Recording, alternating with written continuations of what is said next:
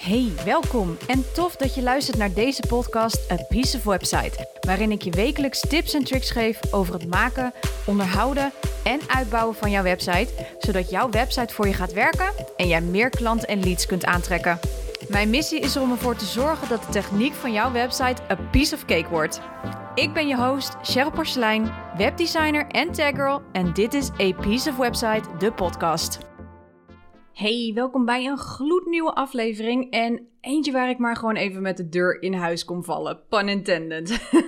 Wel even een kleine disclaimer voordat ik ga beginnen. Um, ik heb heel veel bronnen gelezen over deze kwestie, maar het blijft nog steeds dat ik geen jurist ben. Ik ga je zo natuurlijk alles uitleggen waarom ik dit zeg. Um, ik heb dus op mijn manier geïnterpreteerd en uh, verschillende bronnen naast elkaar gelegd. Maar ik vind het wel heel belangrijk dat je dit weet. Het is ook die, uh, deze podcastaflevering omdat ik het namelijk iedereen gun dat jij veilig en vertrouwd kunt gaan ondernemen en de juiste software daarvoor kunt gebruiken. Het kan dus zijn uh, dat er in deze podcast-aflevering juridisch niet helemaal de juiste dingen worden gezegd, maar de boodschap blijft voor mij wel hetzelfde. Want Mailchimp, die stond dit keer heel negatief in het nieuws. En daarom ben ik van mening dat je mailtje beter de deur kan wijzen. Het de pun intended. Um, misschien heb je het nieuws gezien, misschien niet. Een Duitse uitgeverij heeft bijna een boete gekregen doordat er e-mailadressen zijn doorgespeeld via Mailchimp. Het e-mailmarketing systeem dat zij gebruikten. Uh, deze e-mailadressen waren doorgespeeld naar de VS, dus de, ja, de United States. En nu heeft hij die boete kunnen ontlopen doordat hij twee dingen heeft gedaan. Eén is, hij is gestopt direct met Mailchimp, om met Mailchimp samen te werken. En twee, doordat het gelukkig maar om, een, om twee gevallen ging. Uh, en er geen kwetsbare gegevens zoals geboortedata of iets dergelijks ging alleen om e-mailadressen. Um, maar daardoor, uh, doordat het alleen maar dat was wat er door was gespeeld, uh, heeft het bedrijf, zeg maar, um, nou ja, van de rechter een soort, ja, hoe noem je dat, ontlasting gekregen van die boete, waardoor ze hem uiteindelijk daardoor niet hoeven te betalen. Um, maar het bedrijf heeft dus meteen besloten om te stoppen met Mailchimp. Um, dit is even een notendop hoe het zit. Um, maar wil je hier meer over weten, ga dan zeker even googlen. Want uh, er zijn ondertussen een aantal artikelen natuurlijk over geschreven. Over dit uh, gedoe met de Mailchimp en de Duitse uitgeverij. Nou, waarom is dit zo belangrijk? Sinds een paar jaar hebben wij in Europa die nieuwe AVG-wet. We zijn daar in 2018, volgens mij 2017 al heel flink mee bezig geweest om alles op orde te brengen. En deze wet die moet ervoor zorgen dat onze persoonlijke gegevens veilig blijven en niet zonder expliciete toestemming doorgestuurd mogen worden. Nou, de VS die maakt gebruik van een ander soort privacy system waardoor het botst met onze Europese AVG. Ehm, als ik het goed had begrepen, is dat de VS tot een aantal jaar geleden gebruik maakt van een privacy shield. Um, ik heb het een beetje opgezocht en um, ik citeer het ook uit een bron van, uh, een, uh, um, van Frankwatching. is hoe zit dat? de privacy shield was erop gericht om de uitwisseling van persoonlijke data tussen de Europese Unie en de Verenigde Staten mogelijk te maken. Hiermee gold wel dat het als waarborg uh, dat de Amerikaanse bedrijven alsnog Europese, Europese data mochten opslaan. Zonder in overtreding te zijn van onze GDPR, dus de General Data Protection Regulation, wat in het Nederlands dus de AVG is. Voor de AVG geldt dat als je als Europeaan gegevens uit mag wisselen met landen die veilig genoeg acht worden uit het adequaatheidsbesluit. Nou, heel moeilijk woord. Maar in ieder geval de Verenigde Staten vielen echter dus buiten deze veilige lijst, al dus Frankwatching. Ja, uiteindelijk is die privacy ook om meerdere belangrijke redenen ongeldig verklaard. Um, dat heeft dus gevolgen voor heel veel software dat ook wij hier gebruiken in Nederland. Um, want het betekent eigenlijk dat software uit de VS, of in ieder geval software dat samenwerkt met de VS, niet veilig is. Um, waaronder dus Mailchimp. Nou, en wat betekent dat dan voor jou, hè, als jij Mailchimp blijft gebruiken? Ja, heel concreet, eigenlijk, heel lullig ook gezegd, is dat jij in strijd bent met de AVG-wet. Dus met de Europese AVG-wet. En dat kan resulteren dat je een flinke boete kan krijgen. Het zijn echt mega uh, uh, bedragen. Um, dus verkijk je daar alsjeblieft niet op. Um, maar dat is wel daarom ik, wat, dat ik van mening ben dat je beter geen Mailchimp kunt gebruiken. Um, en meer moet gaan kijken naar Europese alternatieven. Ik moet daarbij wel zeggen, let op, ook weer hier een disclaimer. Een Europees of Nederlands bedrijf betekent niet meteen dat ze AVG-proof zijn. Uh, soms kan er dus een Nederlandse tak zijn, maar die nog steeds met de VS werken. En wat je dan ziet is dat ze uh, het Nederlands hebben vertaald, alle privacyverklaringen, et cetera. Maar dat ze eigenlijk dus nog steeds met die VS samenwerken en dat de gegevens dus niet veilig zijn. Nou, ik heb hem even natuurlijk een rijtje aan uh, vier stuks e-mailsystemen, marketingsystemen die voldoen aan de AVG-wet. Ehm, dat is in ieder geval MailerLite. Dit is geen Amerikaans bedrijf. Zij zitten in Litouwen. Uh, La Posta, zij zijn Nederlands. MailBlue is ook Nederlands. En Autorespond is Nederlands. Dus dat zijn in ieder geval uh, e-mailmarketing systemen waarvan ik zeker weet uit alle bronnen en onderzoeken die ik ondertussen hier voor deze podcast heb gedaan, dat die in ieder geval AVG-proof zijn. Um, nou weet ik wel dat heel veel van mijn luisteraars Active Campaign gebruiken. MailBlue is eigenlijk de Nederlandse variant daarvan. Al zit daar wel een andere. Uh, het is niet een tak van Active Campaign, Active Campaign, maar het is wel echt een Nederlands bedrijf, MailBlue. Uh, maar wat ik weet is, uh, tenminste wat ik niet heel erg zeker weet bij Active Campaign is um, of zij officieel AVG-proof zijn, omdat zij namelijk een afdeling hebben in de VS.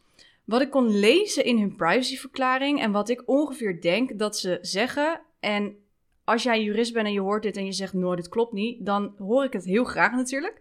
Um, maar het lijkt erop uit een privacyverklaring dat zij dus nog steeds gebruik maken van die Privacy Shield. Wat is in strijd is met onze AVG. Dus heel eerlijk, ik durf niet met zekerheid te zeggen dat zij oké zijn. Dan zou ik echt.